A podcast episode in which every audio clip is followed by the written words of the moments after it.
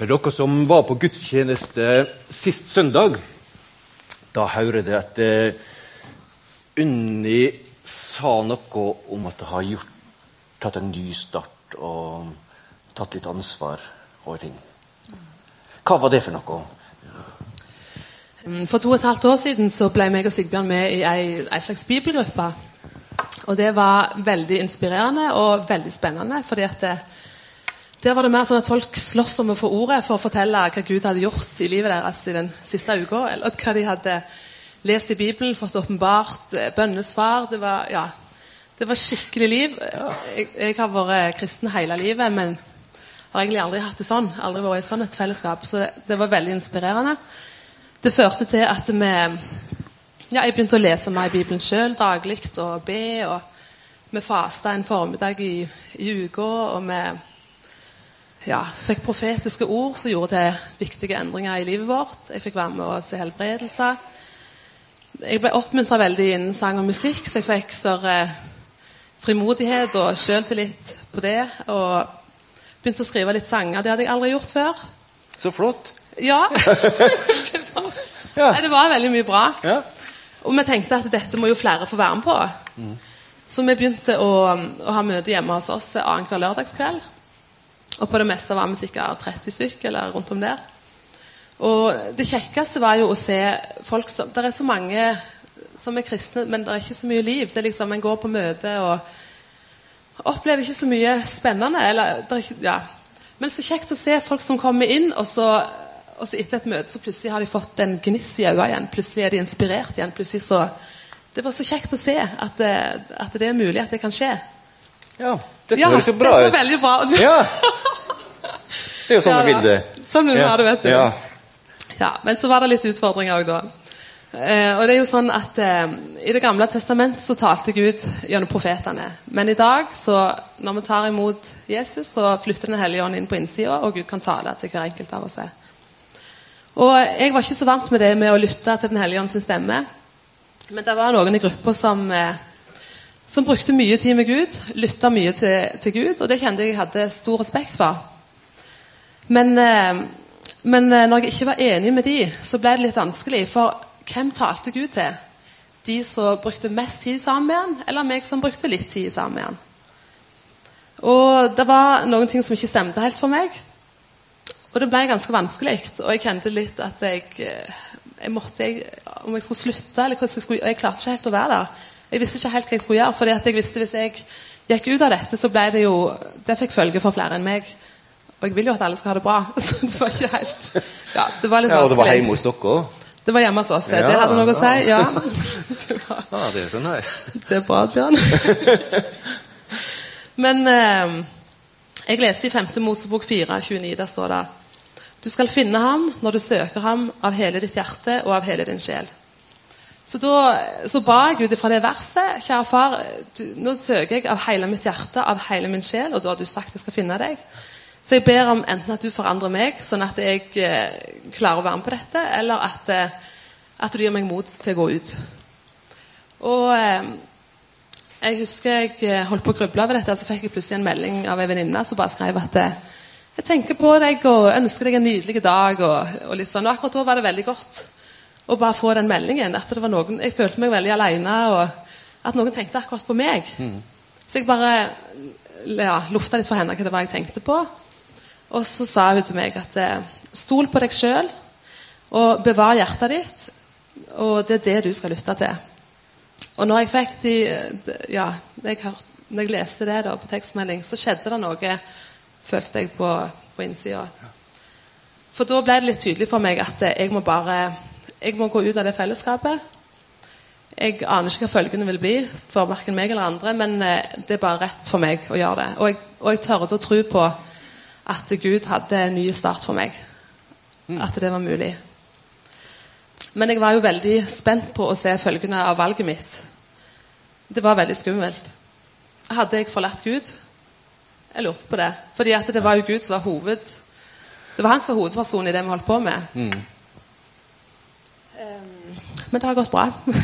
har. Ja, Du tror det? Ja, det, det ser ikke ut som det, det Nei, men det var en stor ting. Du vet, Jeg har stort sett hatt det greit i livet, Bjørn, men så skjer det noe. Så for meg var det en veldig stor ting, da. Men, eh, men for meg å ta eierskap i denne situasjonen, det var å ta ansvar for meg sjøl, ta hensyn til meg sjøl, prøve å ta vare på meg sjøl. Stole på, at, eh, på Gud i meg, at han taler til meg. Ikke bare ha så stor respekt for alle andre, men òg ja, for jeg trives best når alle rundt meg har det bra, og da er det ikke alltid de er så nøye med meg. Bare, ja, hvis bare alle har det bra, så er det greit. Men, Har hørt den før. ja, men i Bibelen så står det at vi skal elske Gud, og så skal vi elske vår neste som oss sjøl. Så da må vi ikke bare elske vår neste, men vi må òg elske oss sjøl. Og det skal være en balanse der, da. Men eh, alle er viktige for Gud. Det er ikke noen som det ikke er så nøye med. Alle er viktige. Så det er klart, hvis vi gjør, gjør vi noe feil, så, så, må vi, så må vi gjøre for det vi har gjort. må vi be om tilgivelse, Men det er alltid lov å starte på nytt. Og jeg jobber fortsatt med å sette grenser for meg sjøl, for å ta vare på meg sjøl. Og den jobben er det bare jeg som kan gjøre i mitt liv, og den kan bare du gjøre i ditt liv. Men eh, jeg mista ikke Gud, og han ga meg en ny start. Så både ny start og tok eierskap her. Ja. Kjempe. Hjertelig takk skal du ha, Unni.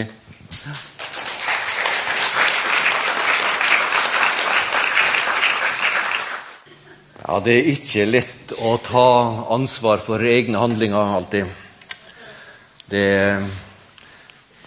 det kan være problematisk for noen hver av oss. Eh, For min egen del så er det noen av dere som vet at det eh, jeg møtte veggen for en del år tilbake og var sjukmeldt eh, over et halvt år. Krasja skikkelig. Det hele hang sammen med at jeg, jeg hadde en arbeidsgiver, men jeg hadde tre jobber og jeg hadde tre styre som jeg rapporterte til. Og det var jo ikke spesielt intelligent eh, å ha det på den måten. Det, det måtte jo nødvendigvis bli sånn at uh, dette ikke gikk i lengda.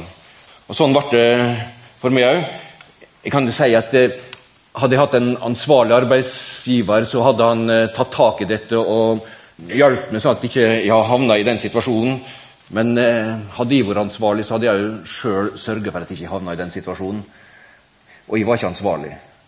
Jeg syntes dette var kjempekjekt, helt til det sa pang. Jeg vet at jeg kunne ha sagt nei.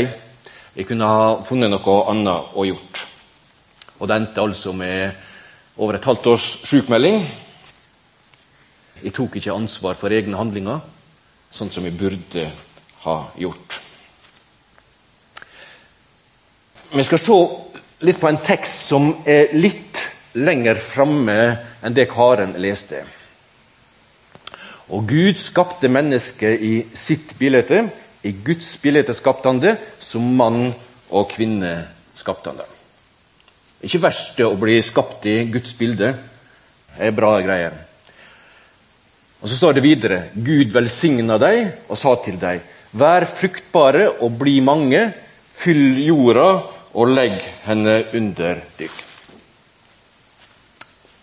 Det er flott. Kos dere. Det er egentlig det han sier. Bli fruktbare, bli mange. Ha det kjekt. Og så hører vi litt om hvordan det gikk. Karen leste om det. Da hørte de lyden av Herren Gud som vandra omkring i hagen i den svale kveldsprisen. Og mannen og kvinna gjemte seg for Herren Gud mellom trea i hagen. Men Herren Gud ropa på mannen og sa, Hvor er du? Jeg hørte lyden av deg i hagen og ble redd fordi jeg er naken, og jeg gjemte meg. Dette er et av de flotteste versene i hele syndefallshistoria. Ser du hva som står? En, en liten parentes. Hjemme i min heimbygd Tomrefjord, der eh, var det så at eh, alle unger var ute og leika. Antageligvis sånn som det er i dag òg. Og så var det en nabogutt som het Kristian.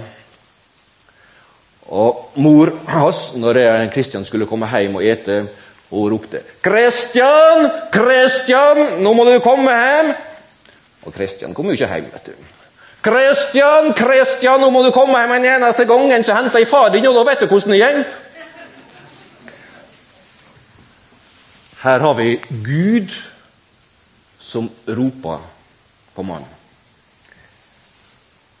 Gud som er ute og leter etter disse to. Så flott. Gud ser etter det. Gud er på, ikke på jakt etter å true. Jeg henter far inn, så vet du hvordan det går. Litt av en barneoppdragelse. Var ikke det Gud var på jakt etter? Han skulle ikke legge Adam og Eva over knærne og gi dem bank. Men han lette etter det, for han hadde omsorg for det. Jeg syns det er nydelige vers. Han leita ikke for å straffe, men for å hjelpe videre. Den andre fortellinga som Karen leste, fortellinga om eh, den samaritanske kvinna ved brønnen, der ser vi Jesus har det samme sinnelaget. Jesus har omsorg for ei kvinne som sliter. Han er ikke ute etter å straffe. Straffa, den tok Jesus på seg. Den hadde han gjort opp. Han gjorde den seinere.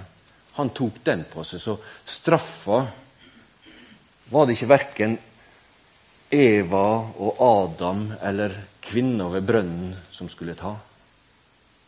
Straffa var det en som tok på seg. Han gjorde opp en gang for alle da han døde på korset for våre synder. Så sier Gud, kan har sagt det at du er naken? Har du ete av treet jeg forbød deg å ete av? Og Adam svarer, ja, det gjorde jeg, og jeg tar ansvar for det jeg gjorde. Gjør med meg hva du vil, men ikke bland Eva opp i dette, for det er mitt ansvar. Hun er uskyldig. Det var det jo det Adam skulle ha sagt. Han skulle ha tatt ansvaret på seg, for egne gjerninger. Men det var ikke det han svara. Kvinna som du ga meg å være sammen med. Hun ga meg av treet og åt. Og så se på Se hvor frekk Adam er. Kvinna som du, Gud, ga meg. Det er du, Gud, som egentlig er skyld i dette her. Hvorfor i all verden ga du meg ho? Det er du som har ansvaret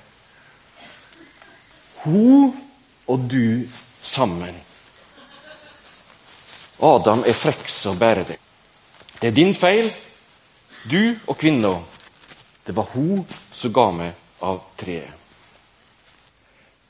Vi kan ikke skylde på andre for å få ei god framtid. Å skylde på andre gjør at vi tar med oss våre feil og våre mangler inn i framtida. Å skylde på andre er å sette på repeat-knappen. Historia kommer til å gjenta seg. Det er ingen vei i å skylde på andre. Hvordan skal vi da handle dette? Hvordan skal vi komme ut av det? Jesus sier noe om dette i bergpreka. Særlig de reine i hjertet, de skal se Gud. Særlig de reine i hjertet, de skal se Gud. Vi skal se litt mer på historien om kvinna ved brønnen som Karen leste om. Vi skal ikke gå inn i detaljer om brønnen og Jakob, stamfadere, og dyra som drakter og alt dette. Men jeg leser litt utover. Da kommer det ei samaritansk kvinne og vil hente vann. Jesus sier til henne, 'Gjev meg noe å drikke.' Og læresveinene hadde gått inn i byen for å kjøpe mat. Hvordan har det seg, sier kvinna, at du som er jøde, ber meg, ei samaritansk kvinne, om drikke? For jøder holder seg ikke sammen med samaritanerne. Jesus svarer, om du hadde kjent Guds gave og visst hvem det er som ber deg om drikke, så hadde du bedt han, og han hadde gitt deg levende vann. Herre, sa kvinna, du har ikke noe å dra opp vann med, og brønnen er djup, så hvor får du det levende vannet fra? Du er vel ikke større enn Jakob, stamfaren vår, som gav oss brønnen, og sjøl drakk av han, både han, sønnene og buskapen hans? Jesus svarer, den som drikker av dette vannet, blir tørstet, men den som drikker av det vannet jeg vil gi han, skal aldri mer tørste. For det vannet jeg vil gi, blir til ei kjelde i han med vann som bryter fram til evig liv. Kvinna sier til han, Herre, Gi meg det vannet, så jeg ikke blir tørst mer og ikke trenger komme hit og hente opp vann. Da sa Jesus til henne, Gå og hent mannen din, og kom tilbake hit. Hva er det som skjer? En eh, samtale om vann, litt ordspill om levende vann. Altså vann som rann, det var levende vann. Men så tar Jesus plutselig grep. Og så sier han, 'Gå og hent mannen din, og kom tilbake.' Da er det slutt på ordspillet. Kvinna møter seg sjøl. Hun møter sitt eget liv. Hun har to valg. Hun kan ignorere Jesus, eller hun kan erkjenne situasjonen. Hun valgte det siste, men hva hadde skjedd om hun ikke brydde seg? Hun hadde fortsatt måtte komme ut av byen midt på den varmeste tida av dagen, i stedet for å gå til brønnen som lå midt i byen, og hente vann, sånn som alle andre brukte å gjøre. Hun måtte bare fortsette på samme måten. Men hun tok eierskap til sin del av det som hadde gått galt i hennes liv. Hun sier det sånn som det var. Og først da, først når hun tok eierskap, kunne både hun og Jesus får begynne helbredelsesprosessen i henne. Jesus som er full av nåde, full av sannhet. Vi er midt i serien En ny start. Og Mitt spørsmål til meg når jeg har arbeidet med dette denne veka er jo hva er det i mitt liv som jeg trenger å ta eierskap over? Hva er det i, i ditt liv som du vet at dette trenger jeg å ta eierskap over? Dette trenger jeg å ta tak i. Dette trenger jeg å snakke sant om. Eller skal vi fortsette å gå en kilometer i den heiteste tida på dagen i morgen òg? Gud, han går i hagen og roper og leter etter Eva og Adam. Jesus møter kvinna og setter henne på valg og ber henne om å hente mannen sin. Jesus inviterer oss til en ny start. Særlig de reine i hjertet. De skal se Gud. En ny start venter oss. Invitert til en ny start.